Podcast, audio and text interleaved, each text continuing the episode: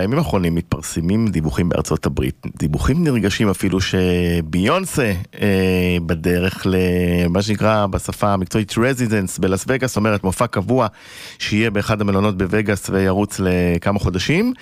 אה.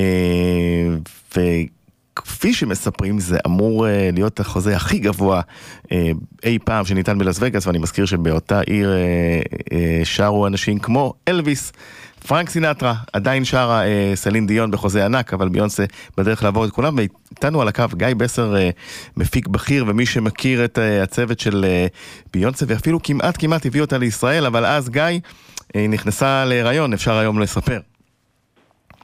בהחלט אפשר לספר, זה כבר ידוע. אנחנו אחרי הלידה. כן. מה שלומך? בסדר גמור. אה, אז מה זה אומר בעצם שביונס הגדולה בדרך לווגאס? תראה, אחד, אני אה, לא יודע לאשר את הפרטים עד הסוף. אני יודע לאשר דבר אחד שקרה, אה, שיכול לאשש את הפרטים. אה, וזה אה, טור שהיה אמור אה, להיות אה, אה, בקיץ הבא, והתחילו לעבוד על הרוטינג שלו, כלפי אירופה ועד למטה לאוסטרליה ולפתע הכל בוטל, אז uh, כנראה שיש סיבה טובה. כנראה שיש סיבה שקוראים לה uh, חוזה עתק. עכשיו, uh, מבחינה, uh, מקצ... מבחינה מקצועית... אגב. אגב בווגה שכחת להגיד, יש גם אומנים אחרים מעבר לאלו שציינת, שעדיין מופיעים ומקבלים שכר מאוד גבוה. נכון, וזו השאלה הבאה שלי, כי פעם, עד לפני עשור, אז וגאס הייתה נחשבת באמת קבר לאומנים שאיכשהו ככה לקראת סיום דרכם, או הרבה זמן לא הוציאו להיטים. נניח ברי, ברי מנילו, אוקיי? שיש לו שם residence וגם אוליביה ניוטון ג'ון. היום, כבר בעשור האחרון, אנחנו רואים שם גם את ג'יי לו וגם את אה, בריטני ספירס וגם את אה, רובי וויליאמס. ובקסטריט בויז. אירוסמית לקחו... נכון, ובעצם, זאת אומרת, וגאס נהייתה כבר קבר לאומנים שהם לוהטים גם עכשיו. זה נהיה קול ומגניב. נכון, אז ההחלטה, האם זו החלטה מקצועית נכונה מצד ביונסה להשתקע שם לכמה חודשים בשנה ובעצם לא לצאת לטור עולמי? תראה, אני אה, לא, לא מכיר את הסכום שהיא מקבלת, אה, אבל אני יכול להגיד שהיא ויתרה אה, על הרבה מאוד כסף, אה, לא פעם ולא פעמיים בטורים עולמיים, מכל מיני סיבות.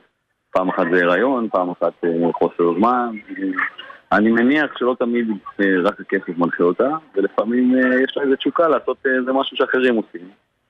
ויכול להיות שגם זו הסיבה, ולא לא, לא רק הכסף, כמובן שהכסף זה יפה וטוב, וביונס צריכה לקבל את מה שהיא צריכה לקבל כזמרת מובילה בעולם, אבל uh, אני חושב ש...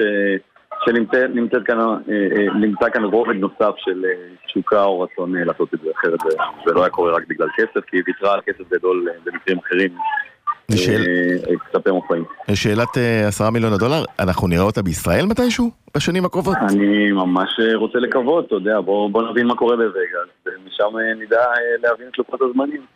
בינתיים אני קפוא פה בלונדון. כן, כן, האם כבר אתה בלונדון, תספר לנו ככה, הקיץ הנוכחי מבחינת ישראל נראה הרבה יותר טוב מבחינת השוק המופעים הבינלאומיים. מתחיל להיראות טוב, אנחנו את עולם ההכרזות הרציניות שלנו נתחיל באזור אמצע ינואר, אחרי הקריסמס של אירופה, ברגע שנסגור את הכל, ובהחלט צפוי לישראלים קיץ מעניין, פורה, עם תמהיל אומנים שאני חושב שייתן מענה תרבותי לכל ישראלי. נכון, בינתיים אתם מביאים את גאנס רוזס, אתם בלוסטון לייב ניישן ישראל. גאנס רוזס, הבאנו בעבר, כרגע אנחנו מביאים את איירון מיידן. איירון מיידן, סליחה, נכון. ויחד עם שוקי וייס, לייב ניישן ישראל, וצפויות הכרזות נוספות בהחלט, אני יכול להגיד. יאללה, מעולה, תהנה בלונדון, תלבש חם, ותביא לנו את ביונסה. תודה רבה. מתישהו.